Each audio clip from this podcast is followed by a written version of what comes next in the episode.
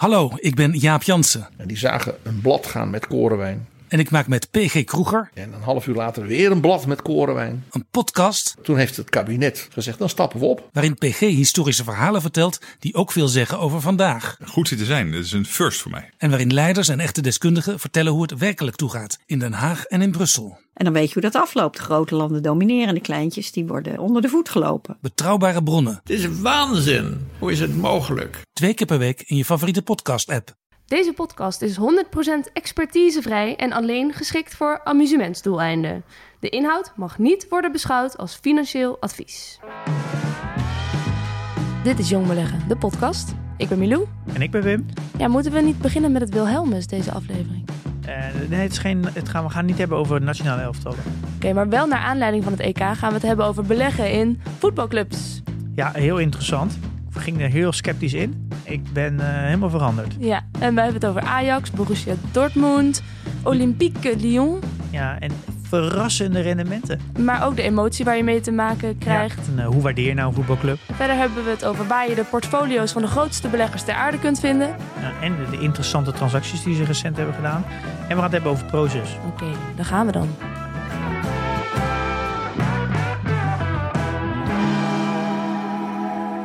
Wat deed jij bij de beurs van Berlage van de week? Met die stier, dat plein in Amsterdam. Ja, ik ben uh, op beursplein 5 geweest. Ja. Even de plek waar, uh, waar vroeger gehandeld werd. Waar uh, schreeuwende mannen in, in jasjes stonden. Het ziet er nu heel anders uit, hè? Ja, Als nu is het... beursvloer komt. Ja, het is nu gewoon een werkplek geworden voor Ja. optiehandelaren eigenlijk. Ja. Er zitten volgens mij allemaal optiehandelaren die handelen voor eigen rekening. maar er zitten omheen natuurlijk, het is een heel mooi pand, maar er omheen zitten ook allemaal kantoortjes en het pand is natuurlijk, uh, het heeft heel veel karakter. Ik ben nog Ja. in, in, in de zaal geweest waar, uh, uh, waar normaal de, ja, als de partijen naar de beurs gaan, waar dan een speech wordt gehouden en zo. Het is een, Oh, ja. en de, de vergaderzaal. ja, ik heb even een rondleiding gehad, kleine rondleiding. En, Mocht je op de gong slaan?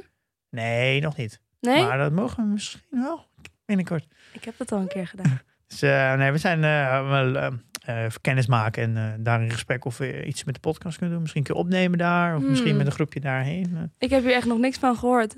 Nee, dat is ook vers. Het vers. heel geheimzinnig. ik hou wel van verrassingen, ik ben benieuwd. Ik wil ook misschien nog iets, uh, iets keer een live podcast met, uh, met alle vrienden. Dat is ook wel leuk. Ja, dat sowieso. nu kunnen we weer een beetje ja, langzaam wat gaan organiseren. Want nou ja, het gaat weer open. Ja, we mogen weer tongen. Dus, uh, Heb jij nog reacties gehad op mijn nieuwe ETF? Is het, uh, is het, heeft het storm gelopen bij jou in de mailbox? Nou, ik heb wel wat berichtjes gekregen, ja. Ja. Mensen wel uh, geïnteresseerd zijn Zijn in, mensen uh, blij? In de ETF. Ja, ze zijn het gaan onderzoeken. En uh, vroeg ook van uh, waarom heb je nou in Italië gekocht, op de beurs, en niet in Amsterdam? Kernselectie. Kernselectie natuurlijk. Dus we hebben wel vragen gekregen. Ja. Denk je mensen weer een beetje geïnspireerd om er ook naar te kijken. Over de duurzame toekomst van ons voer.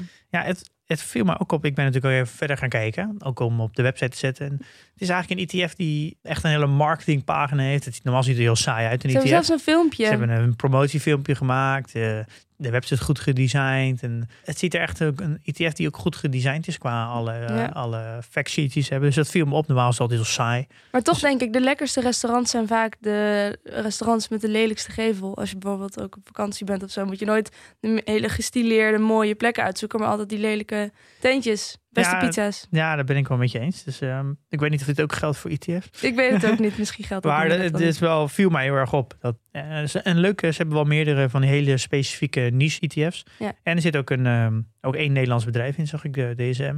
Dus, eh, Ja. Maar wel leuk, eh, leuk gevonden. Ik vond ook die, eh, die ze, ze delen niet op in sector, in traditionele sector, maar ze delen op in soort van industrieën. Ja. Eh, dus dat was ook wel leuk om te zien hoe ze dat, hoe dat, ze dat doen. Dus eh, ja, mooi gevonden. Jasper. Ehm, We gaan het hebben vandaag over beleggen in een voetbalclub. Huh? Waarom een voetbalclub? Nou, het is je misschien ontschoten, dat kan natuurlijk. Maar het schijnt het Europees kampioenschap voetbal te zijn. Ja, dat klopt. Om hem iets breder te pakken. Mhm. Het leuke is natuurlijk om een, een- een- uiteindelijk een, een soort van archief te creëren in, als het gaat over beleggen, dat je alle onderwerpen van beleggen hebt besproken. En voetbalclubs is misschien een heel klein niche op de beurs, echt heel klein. Maar het is wel een hele specifieke niche, denk ik. Het is, er zit heel veel emotie in. Iedereen ken- kent voetbalclubs. En je zou er niet in eerste instantie aan denken om in te gaan beleggen. Nee. Ik denk dat heel veel mensen ook niet eens weten dat heel veel voetbalclubs beursgenoteerd zijn. Mhm. Eh, en ja, als het gaat over aandeelhouderswaarde creëren, dan denk je natuurlijk niet aan een voetbalclub. Want die, ja, die, uh, die moeten zoveel mogelijk vermogen op het veld hebben staan en die moeten uh, punten pakken. Ja. Maar, ja, want het is ook niet zo dat elke voetbalclub beursgenoteerd is. Nee, dan kan je natuurlijk net als een gewoon bedrijf, kan je daar zelf voor kiezen. Uh, ja. En er zijn nu op dit moment 23 voetbalclubs beursgenoteerd in Europa bijna de 24 en dat was Club Brugge in België. Voor alle Belgische luisteraars. Die is op het laatste moment afgeketst. Eh, omdat er dus blijkbaar te weinig interesse was in de beursgang. Eh, maar het zijn er nu 23. Waarvan is er één in Nederland. En dat is Ajax. Ajax. Beursgenoteerd. Ja. En het valt me eigenlijk op dat, dat er ook maar één Engelse club is. Manchester. Dat is ook gelijk de grootste club in de... In de ja, laten we over Europa spreken. Voetbalclub. Volgens mij 2,3 miljard is het waard. Dus dat is best flink. Het is ook een van de betere voetbalclubs, toch? Ja, de laatste jaren, ze hebben wel een hele grote geschiedenis, maar de laatste jaren doen ze het niet zo heel goed meer. Mhm. Ehm, en uh, een Duitse club, Borussia Dortmund. Een paar Italiaanse, Juventus en AS Roma en Lazio. Veel uh, clubs uit Turkije, valt me op. En uit uh, Denemarken. Club 6, wat mij erg opviel. Waar? In Denemarken? Denemarken. Ja. ik heb geen idee waarom. Daar kon ik niet helemaal achterkomen. En Portugal ook. Een soort cultuurdingetje misschien. Trekken elkaar mee? Ja, dat zou kunnen. Ik, ik, ik, ik weet eigenlijk niet waarom dat is. En de eerste beursgang ooit was van een Engelse club, Tottenham Hotspur, in 1993. En die deed het eigenlijk om extra financiering aan te trekken. Ja. Um, en het grappige was, dus, het was dus eigenlijk in de jaren 90 volgden dus heel veel clubs als voorbeeld. Dus dat ja, één club doet het succesvol en dan volgen er heel veel.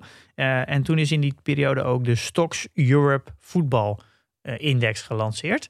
En daar gingen dus alle Europese voetbalclubs in. Um, maar die bestaat nu niet meer. Die is in 2000, uh, augustus 2020 uh, afgestopt. De, mm -hmm. Omdat het, de Stox is, is overgenomen door een ander bedrijf. Dat Stox was een uh, bedrijf die de index maakte. En die is overgenomen. Die heeft toen heel veel indexen geschrapt, waarvan ja. deze.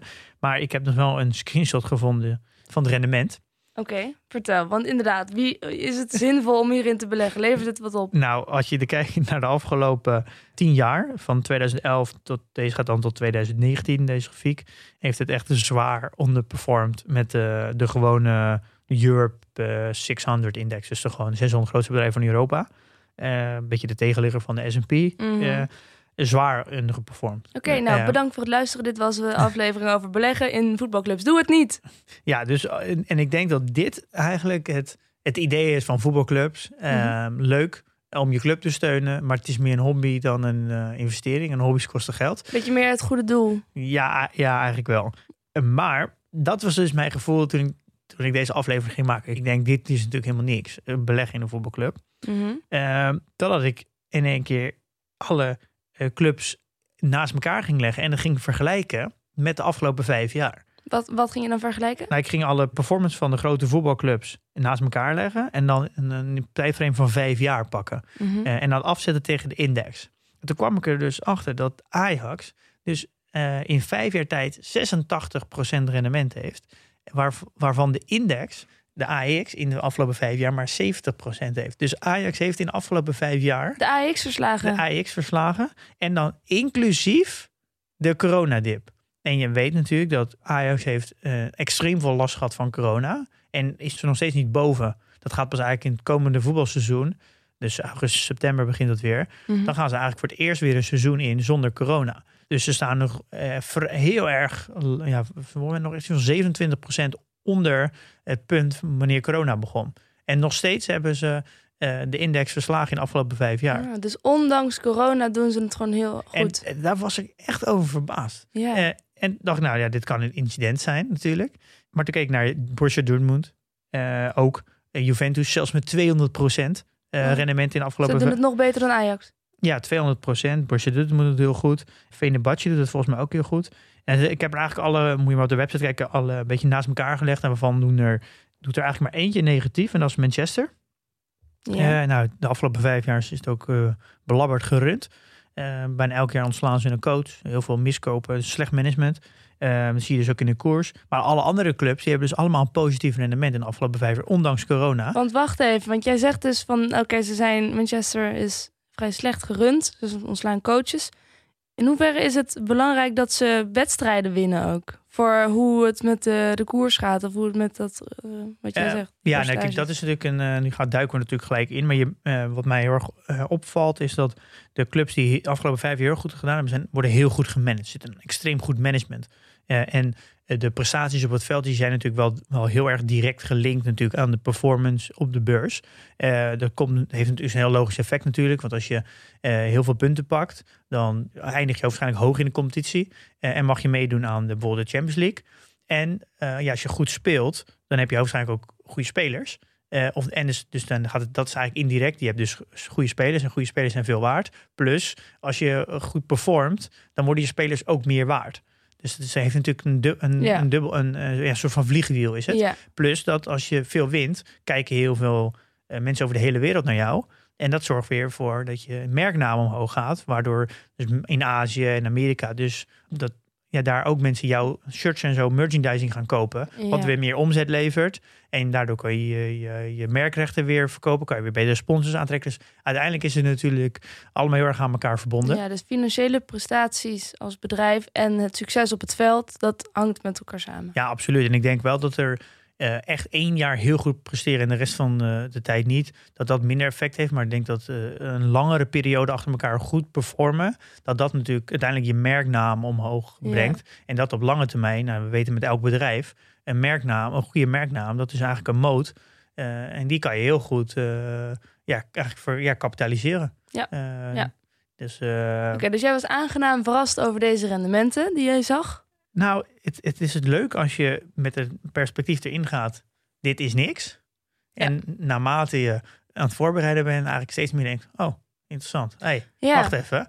Eh, Maar is dat ook niet het algehele sentiment? Dat mensen denken voetbalclubs, ja, dat is. Hm, ja, nou, niet zoveel op als je die. dat is ja. natuurlijk het, het- de grap. Ehm, als iedereen dit denkt, dan zitten daar natuurlijk kansen. Want een, een echte value investor die denkt natuurlijk contrair. Ja, eh, tegen de kudde. tegen de kudde in. En dat is ook een mooie quote dat ik ook las van eh, een interview gelezen van iemand die daar in, in echt speciaal in voetbalclubs die zegt ook ja, je, niemand is rijk geworden van een groepsknuffel. Eh daar, zoiets van is de quote. Maar die, er is dus een, een, Ja, voetbal, er een voetbalsummit. Ja. En daarin wordt heel veel gesproken over de toekomst van voetbal. En daar is dus een, een, een fonds, MAPFRE Breville Fund. Daar zit, dat is gerund door twee, eh, twee eh, managers. eh, twee, en die, die investeren he- heel specifiek in voetbalclubs. Ze zeggen ook van wij zijn een van de weinigen die in ons fonds echt voetbalclubs hebben. En ze hebben een tijd lang Ajax gehad voor 5% en voor 4,5% Lyon. En ze zijn dus recent ook in Dortmund gestapt. Nou, Olympiek. ja. ja, en ehm, hij wordt geïnterviewd van hoe kan dat nou zijn dat jij al in je, met je fonds in voetbalclubs investeert? Want de hele wereld denkt dat dat een slechte belegging is. ja. En zij pakken daar dus hele goede rendementen op. En ja, in dat interview vertelt, geeft hij zoveel nieuwe inzichten als hoe een waardebelegger, eigenlijk de traditionele waardebelegger, ook naar voetbal kan kijken. En hij zegt eigenlijk als in de basis, je, je moet de industrie kennen. Nou, dat kennen we allemaal, je moet de dynamiek kennen. En hij zegt, eh, de voetbalindustrie bestaat 150 jaar, maar het is pas in de laatste 20 jaar echt een serieuze industrie geworden. Daarvoor was het eigenlijk meer gewoon sport. En nu in de afgelopen 20 jaar wordt het meer een, meer een business. ja. En daardoor zie je ook dat er steeds meer geïnvesteerd wordt in, in de sport. En hij ziet heel erg een, een dynamiek in andere Amerikaanse sporten, waar, waar het kantelpunt zat. eh, wanneer het een sport naar een business ging. Hij herkent die dynamieken heel goed. En hij ziet dat dat in Europa, in Europa ook langzaam begint. En hij weet precies wat er een club moet doen om, eh, om dat kantelpunt te bereiken. Want dat is wat je wil. Het moet geen sport meer zijn, maar het moet een bedrijf worden. Nou, het moet, een, een bedrijf betekent dat het veel meer stabiel wordt, dat het berekenbaar wordt, dat, ze, dat je een visie hebt, dat je een strategie hebt die je kan uitvoeren, waardoor Ja. je een, een meer eh, een vaste vorm van inkomsten genereert. Eh, en dat je een, een structureel bouwt en een merknaam, waardoor je dus wereldwijd ook shirtjes kan verkopen, wat weer st- een stabiele inkomen, inkomen geeft. Dat je denkt aan eh, dat je ook risico's en, en lange termijn meeneemt in je voetbalclub. In plaats van dat je eigenlijk alleen maar bezig bent met eh, nou hopen dat we dit jaar een keer goed doen. Mhm. En hij geeft dan een aantal eh, mooie inzichten. Het hele artikel staat ook op de wedstrijd interview. En hij zegt ook eh, dat een eigen stadion extreem belangrijk is.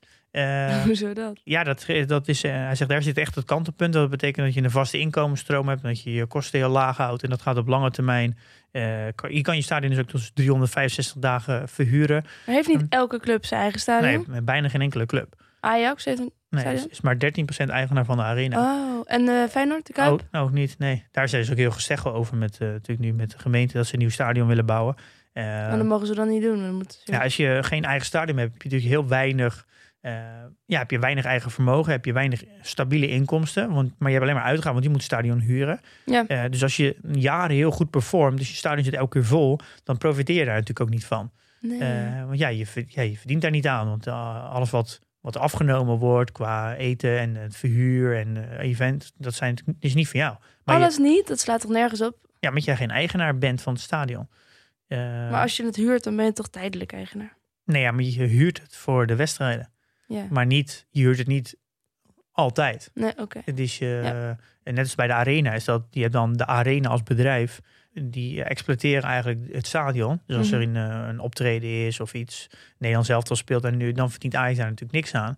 Omdat het stadion niet van Ajax. Ajax huurt het Ja. eh, voor de wedstrijden. Oké. Ehm, en daar, daar zit heel erg een, eh, een eh, kantpunt. En hij zegt ook, je, ehm, je moet dus niet de allergrootste club hebben, clubs hebben, maar je moet clubs hebben die toegang hebben tot de grootste competitie. Maar, eh, waar de kans heel groot is dat ze er altijd aan mee mogen doen. Nou, Ajax is best wel een grote kans dat ze in de nationale competitie altijd mee mogen, dat ze winnen.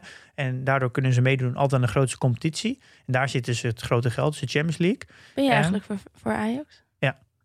Eh, maar daar gaat het nu niet over. Nee, ja. is Eh, gewoon nieuwsgierig. Eh, en hij kijkt heel erg naar, zit er, heeft het een hele lange geschiedenis, heeft het een hele goede naam. Dus staan ze bekend om, om wel, ja, waar staan ze bekend om? Mm. Nou, Ajax staat natuurlijk heel erg bekend om een opleidingsinstituut. Nou, dat hebben ze in het verleden ook be- eh, bewezen.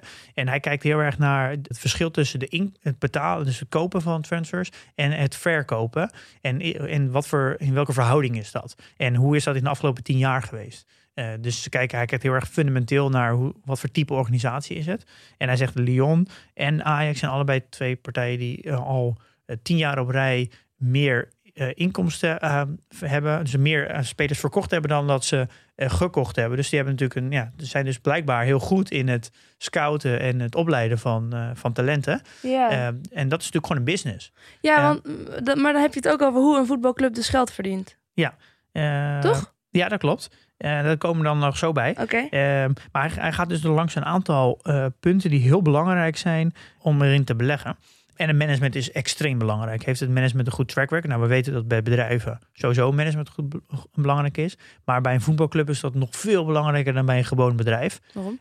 Omdat er namelijk extreem veel emotie in zit.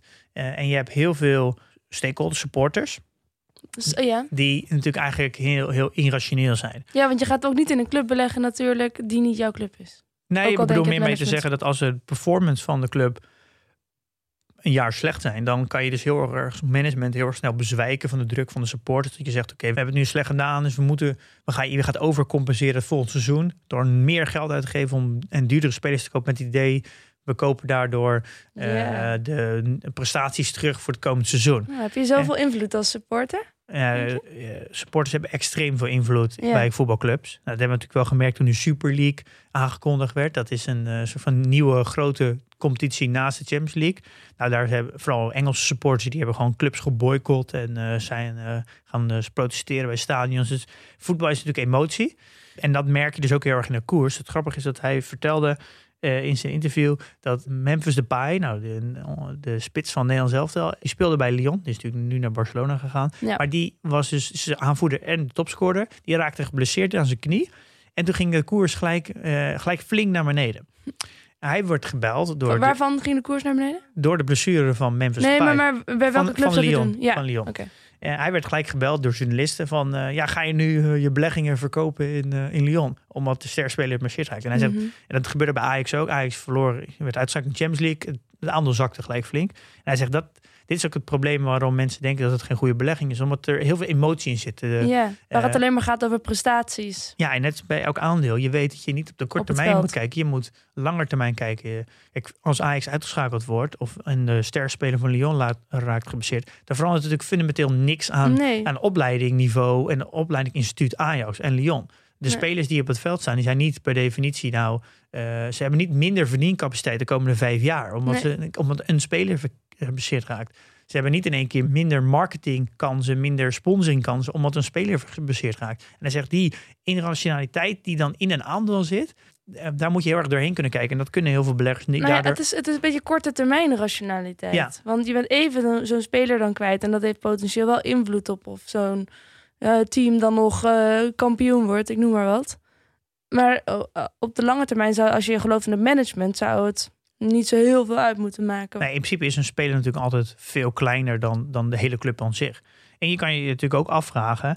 Ajax heeft een uh, nieuw van Azië, want daar ken ik, die ken ik wat beter. Die heeft natuurlijk een extreem grote naam in de wereld. Als je eh, denkt over de hele wereld Ajax, ik denk dat de meeste mensen het wel kennen. Ze staan wel eh, bekend om een heel specifieke spel. Ze staan bekend dat ze talenten opleiden.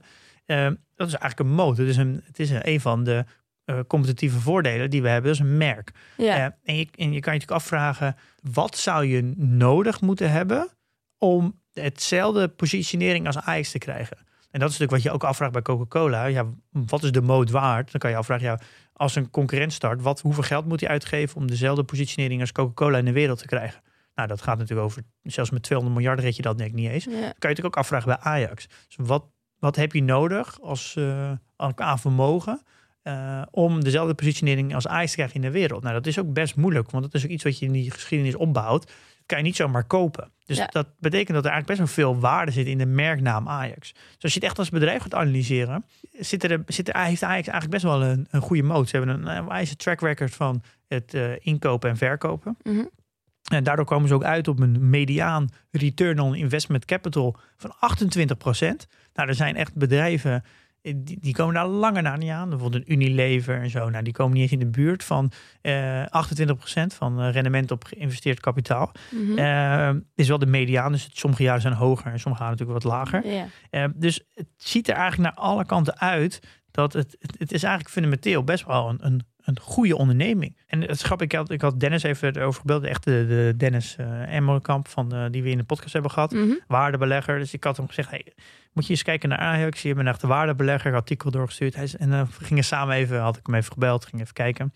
En hij, hij langzaam merkte in dat gesprek dat hij dacht, dit is helemaal niks. En dacht, hé, hey, dit is wel interessant. Oh, grappig dat je gevonden hebt. Oh, ik dacht heel anders over dit. Hij was Hij eigenlijk het- draaide. hij draaide en eh, ging ook heel anders nu naar een, naar een voetbalclub kijken.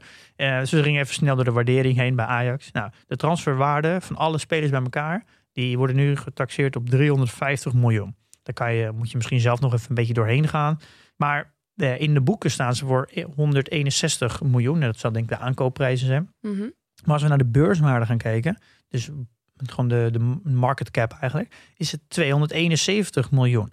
Dus eigenlijk kan je zeggen dat de, de intrinsieke waarde van Ajax veel hoger ligt dan de waarde waarvan je Ajax nu zou kunnen kopen. En dan heb ik nog niet eens, Dus het is ondergewaardeerd. ja, en dan heb ik nog niet eens over de cashpositie, eh, die van ongeveer zo'n 30 m- miljoen is.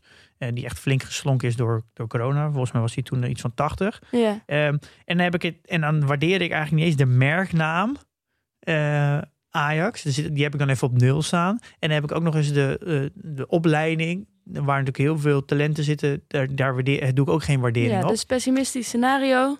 Ja, is het zit er eigenlijk al een, gewoon een onderwaardering in. Ja, Wat natuurlijk, eh, ja, in deze tijd, in, in de, waar alles heel hoog staat, waar een onderwaardering is, zie je niet zoveel. nee. En je betaalt volgens mij één, eh, 1,3 keer de boekwaarde. Dat is ook echt heel laag. Alles ziet er, ziet er eigenlijk heel gunstig uit. De, de, jaarlijks eh merk je dat ze groeien. Dus de, de in social media bereik groeit. Ze, oh, ze hebben het shirtjes verkopen voor de hele wereld groeit. Ze hebben steeds meer sponsordeals buiten alleen maar de shirt om. Dus ook steeds meer op, op, op social media en zo. Ze, krijgen, ze hebben steeds meer, ze kunnen steeds meer merk breder wegzetten. Dus aan alle kanten, als je er goed naar kijkt, zit er eigenlijk best wel een, eh, ja, het zit er best wel een interessant eh, bedrijf achter. Ja, maar hoe weet je nou dat jij niet wordt verblind door jouw liefde voor Ajax? Nou, ik, ben, ik stap natuurlijk niet gelijk in. Wat, wat wel, daar heb ik dan nog geen tijd voor gehad. Maar wat best wel interessant is om te kijken.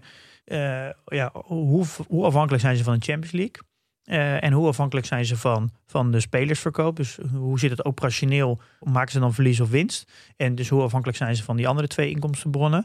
Eh, want de, als we alle inkomstenbronnen gaan kijken, heb je natuurlijk ticketing. eh, Voor, dus hoe een voetbalclub ja, geld en verdient? Ticketing, Ja. merchandising, nou, de tv-rechten en natuurlijk verkoop van spelers. Nou ja, en de inkomsten van competities. Nou, de Champions League is natuurlijk niet gegarandeerd en de verkoop van spelers is niet gegarandeerd.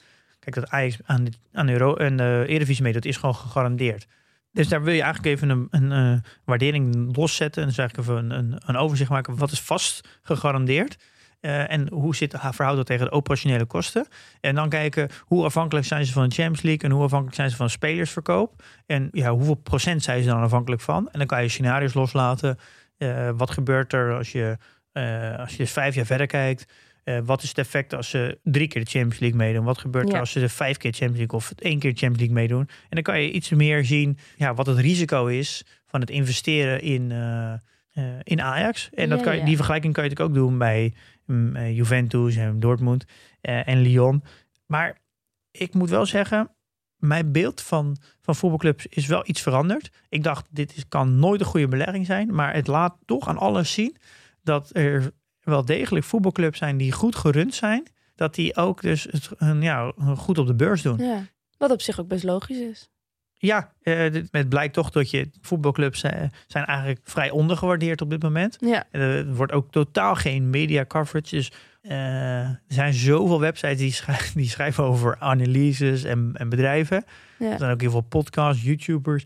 Nergens over voetbalclubs. Gewoon, ja. gewoon niet. Er is gewoon geen vergelijkingswebsite. Niks. Je kan nergens data vinden. Ja. Je moet het echt 100% doen op de jaarrekening die ze publiceren. Ja, ja, dat, ja dat, dat verbaast me eigenlijk heel erg. die ziet er dus wel goed uit. Dus dit is een potentieel pareltje. Nou, ik, ik denk wel dat je, wat eigenlijk die, eh, die man ik zeg van Alfons, je moet goed de dynamiek kennen van wat zijn nou precies de drivers van een succesvolle club. Welke, waar welke trends je moet kijken. Dus je moet altijd kijken naar ding, uh, hoe doen ze dit de afgelopen uh, vijf à tien jaar. Zit daar een stijgende lijn? Dus je moet wel goed de dynamiek kennen. En hij zegt heel erg dat er zijn heel veel Amerikaanse investeerders die nu clubs kopen. De Amerikanen zien wel degelijk in Europa voetbalclubs als een, als een echte investering. dus er zit ja, dus er, en die zijn dan niet beursgenoteerd, want die kopen dan gewoon in één keer een hele club. Uh, maar het is dus echt zo dat er dus uh, heel veel te verdienen valt nog in Europese voetbalclubs. Ja. En dat is iets wat hij constateert wat uit Amerika komt. Iets wat wij als Europeanen eigenlijk niet zien. Want je merkt ook in elk voetbalprogramma wordt altijd gezegd... als er een, iemand een club komt kopen... Uh, ja, die denkt hier geld te verdienen, maar dat, dat ziet hij helemaal mis. Maar mm. Dan kan je natuurlijk afvragen, ja, wie ziet het dan verkeerd? Hij zegt in ieder geval dat de voetbalindustrie aan het veranderen is. En dat het steeds meer een serieuze belegging uh, begint te worden. Oké, en wij dan als gewone beleggers. Is het, uh, kijk bijvoorbeeld als je het vergelijkt met beleggen in gewone bedrijven. Is het moeilijker, geestelijk, eh, psychologisch gezien, om te beleggen in een voetbalclub? Omdat daar, nou ja, waarschijnlijk meer emotie gewoon bij komt kijken dan bij een gewoon bedrijf? Uh, ja, ik denk dat het wel lastiger is, omdat namelijk de koers, denk ik, bewegelijk is. En, en het beweegt heel erg op, op korte termijn heel erg wat er op het veld gebeurt. Ja. En om de club heen. Ja, dus, dus of de coach een keuze is. Uh, ja, of de, een keer een slechte, uh, slechte prestatie, of dat een speler geblesseerd raakt. Ja. En dat effect, dat is als belegger, kan dat best moeilijk zijn. Dus je moet wel echt er, die moet daar doorheen prikken. Ja. Als je echt houdt van stabiliteit, ja, dan moet je denk ik niet in een voetbalclub gaan zitten. Nee. Dat is ook de reden waarom heel veel mensen het, uh, ja, daar niet in beleggen. Ja. Uh, en het lijkt me ook wel toch van invloed op het rendement of een, of een club veel wint of veel verliest, toch? Heeft dat invloed op, direct op het rendement? Ja, er is ook een wetenschappelijk onderzoek gedaan naar de performance op de beurs en het winnen van een wedstrijd. Daarvan gaat een, uh, een aandeel gemiddeld 1,1% omhoog en het zakt 0,6%. En dan kan je afvragen, wat, wat heb je daaraan? Ja. Want als een club altijd bij winnen zou in theorie altijd omhoog moeten gaan. Maar Ja. het, is wel, het geeft aan dat tussen performance van een club op het veld dus wel eh, effect heeft op de koers op korte termijn. Ja, Ehm, het het is best heeft- wel bewegelijk dan. ja, het heeft ook een, uiteindelijk hele eigen ja, eigenaardigheden eigenlijk beleggen in een voetbalclub. Net als dat je eigenlijk de, de dynamiek moet kennen van een aandeel dat bijvoorbeeld heel erg leunt op grondstoffen. Bijvoorbeeld Shell op olie. Dan moet je de dynamiek eigenlijk van olie kennen. Ja. Als je een cementbedrijf moet je, of een houtbedrijf, moet je de dynamiek van hout kennen.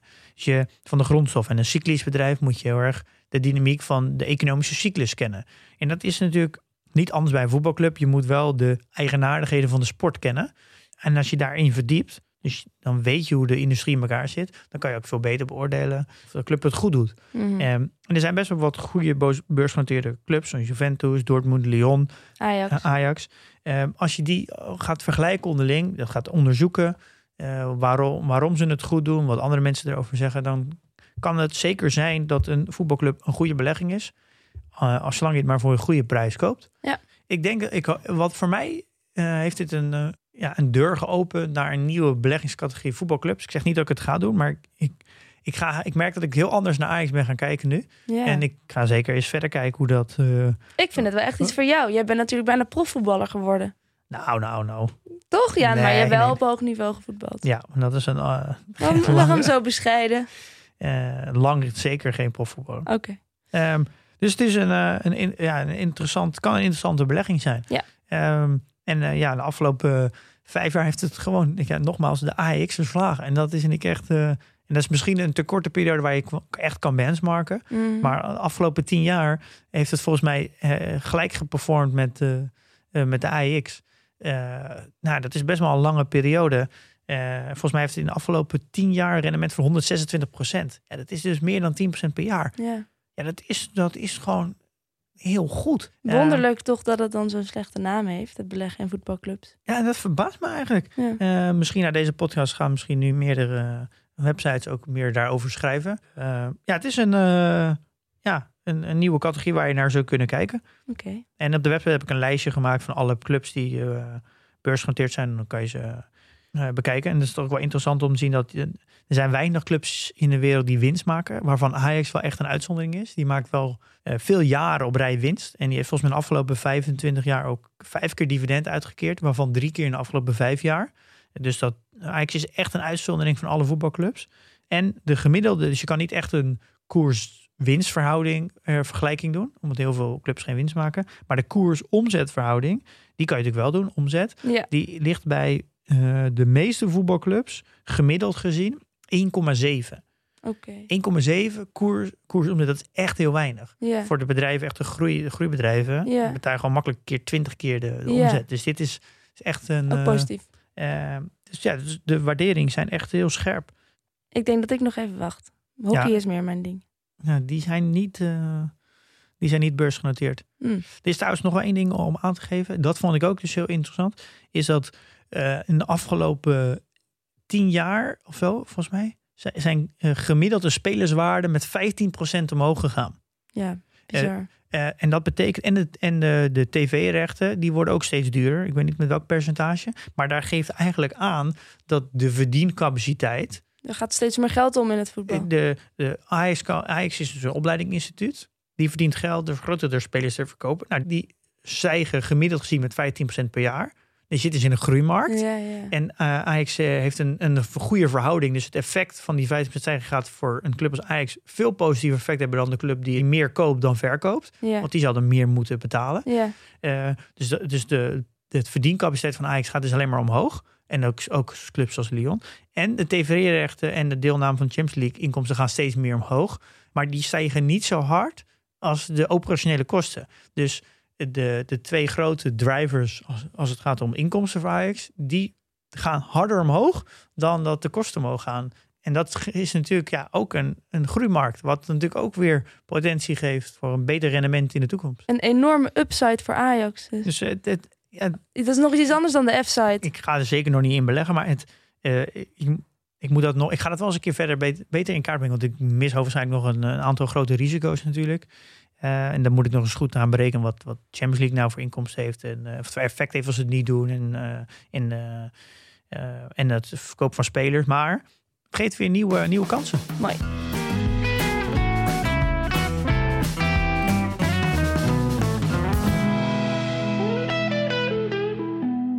Vorige week had je een grote portfolio dividend tracker update. Hebben we nu ook weer een update? Ja, altijd als je een hele grote update doet, dan eh, zitten er altijd hele kleine uitzonderingen die je niet meegenomen hebt. Misschien kleine foutjes. We zijn nu eigenlijk bezig om, eh, om alle kleine foutjes die nu ontdekt zijn door alle vrienden die het product gebruiken. Eh, die zijn we nu aan het eh, verbeteren. En soms is het een foutje, soms is het een uitzondering. En soms komt iemand met een suggestie van als je dit iets anders doet, dat net even wat gebruiksvriendelijker. Oh ja. Eh, een mooi voorbeeld was bijvoorbeeld een, een invoeren van een datum. Eh, dat kon je dus op, dan kon je op klikken, een datepicker en dan kan je een datum kiezen. Maar hij zegt ja, sommige mensen moeten aandelen invoeren van een jaar geleden en dan moet, ik- moet je altijd klikken eh, naar, eh, naar maanden terug. En dan zeg ik, ik wil het ook gewoon typen. Ja. Dat maakt het voor mij wat gebruiksvriendelijker. Ik denk, nou, interessant. Ehm, nemen we gelijk mee. Ja. En zo, Beetje eh, vullen, schuren en schaven. ja, zo luisteren we naar de, naar, de, naar de vrienden hoe het product beter kan. En dat is eigenlijk wat je vaak doet. Na een grote release ga je altijd de weken daarna ga je nog een beetje polishen. En dat hebben we afgelopen week gedaan. We doen eigenlijk, denk ik, om de dag wel een nieuwe release Ja. om eh, het product weer te verbeteren, zodat het Ja. steeds stabieler wordt. Want tips zijn in de tussentijd nog altijd welkom natuurlijk. Ja, die blijven altijd wel. Het product is, kan altijd beter. Dus als iemand een, eh, een verbetering ziet, dan staan we daar echt voor open. En we willen natuurlijk weer alle nieuwe vrienden van de show bedanken die erbij zijn gekomen. Welkom.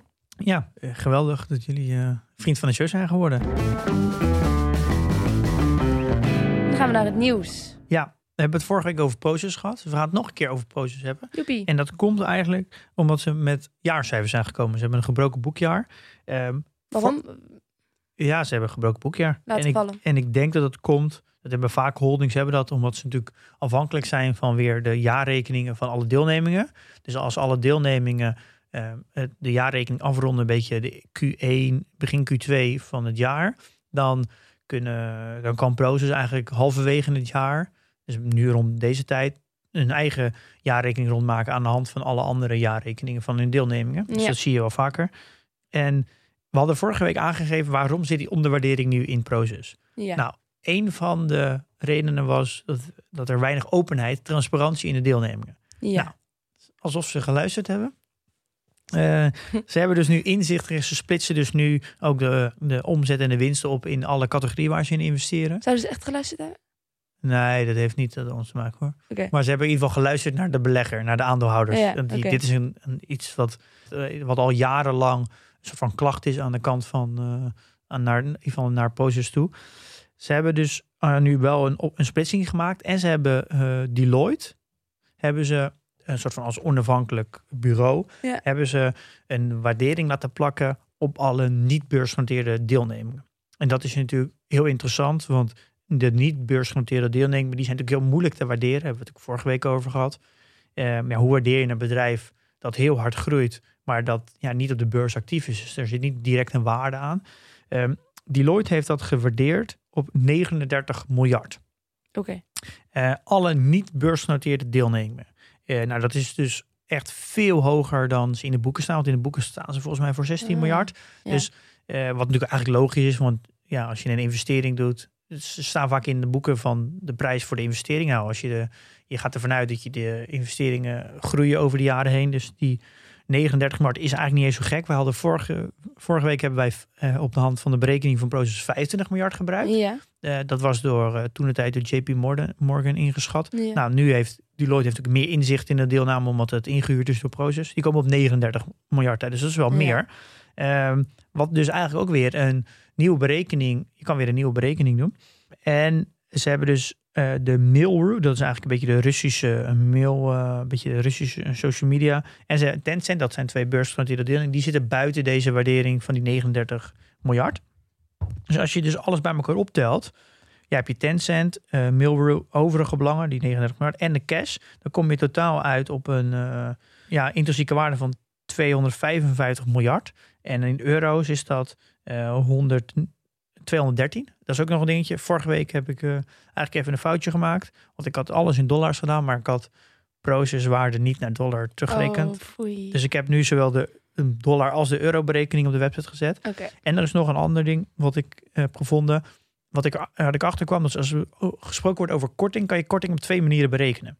Dat is dus heel vervelend. Dus als iemand korting communiceert, dan moet je altijd heel goed afvragen hoe is die korting berekend. Want je kan namelijk korting berekenen tegenover de intrinsieke waarde. Dus of korting op de intrinsieke waarde. Mhm. Maar soms communiceren analisten de korting op de beurswaarde. Ja, oké. En dat is natuurlijk, korting op een beurswaarde is natuurlijk altijd veel hoger, een korting, dan een korting op de intrinsieke waarde. En ik vind persoonlijk dat je Waarom al, is dat altijd veel hoger? nou, omdat de intrinsieke waarde is natuurlijk het hoogst, is hoger, is in dit geval 255 miljard. Ja, En de waarde, de beurswaarde van Prosus is nu eh, 160 miljard. ja oké. dus in dit geval is het... Die, en dan bereken je de korting vanaf de intrinsieke waarde natuurlijk. Want het is een beetje vergelijkbaar dat de broek, eh, dat is dan de intrinsieke waarde, is 100 euro in de winkel. Je kan hem met een korting kopen deze week voor 60 euro. Ja. Dan eh, is natuurlijk de korting 40 euro. Ja. Dus 40 procent. Ja. Dan kan je, maar je gaat niet de korting die van die 40 euro die je korting ga je niet berekenen vanaf je 60 euro. Nee. En dat is wel wat heel veel analisten doen. Zag Ah, het. F- het FD toevallig het gisteren ook doen. Dan berekenen ze en dan noemen ze een korting. En dan zeggen ze korting op de beurswaarde. Maar dat is natuurlijk alsof je zegt, ja, je hebt die 40 euro korting op die 60 euro. Dus dan zeg je eigenlijk, ja, we hebben 66% korting op de prijs nu van de broek. En dat vind ik een hele rare manier van communiceren. Eh, Daar Mhm. moet je heel goed op letten. Als je kortingen ziet, heel goed uitzoeken hoe wordt die korting berekend. Oké. Eh, maar daardoor heb ik dus nu een correctie op de korting van vorige week. Ik heb hem zowel in dollar als in euro uitgerekend op de website. Het is 37% tegenover de intrinsieke waarde. Dus dat is echt eh, best wel eh, flink. En ik had ja. vorige week 46 gezet, maar die heb ik dus fout berekend. En een andere manier van berekening gepakt. Ja. Maar het is natuurlijk wel meer geworden eh, dan vorige week. Omdat namelijk de, de overige belangen zijn veel hoger gewaardeerd. En in de tussentijd is Prozus iets gezakt, waardoor de korting ook iets oploopt. Oké. En nog een ander ding is ook wel interessant om eh, dus te zeggen eh, bij de cijfers van Prozus, is dat ze de belangen in de food delivery zijn met 127% gestegen, de omzet. En dat is echt flink. En daarvan is iFood natuurlijk een hele grote, en waarvan Just Eat Takeaway daar ook met 33% in zit. Dus dat is ook gunstig voor, eh, voor Just Eat. Ja. En verder, ja, moet denk ik niet zo relevant is wat nou precies de cijfers van de holding zelf waren. Eh, maar ja, de korting is dus eh, opgelopen. En eigenlijk, eigenlijk het ironische aan het verhaal is dat ze willen heel graag de korting eruit halen. Beleggers vragen om meer inzage in alle deelnemingen. Die krijgen ze nu. En daar blijkt dat de korting nog veel groter was dan ze dachten.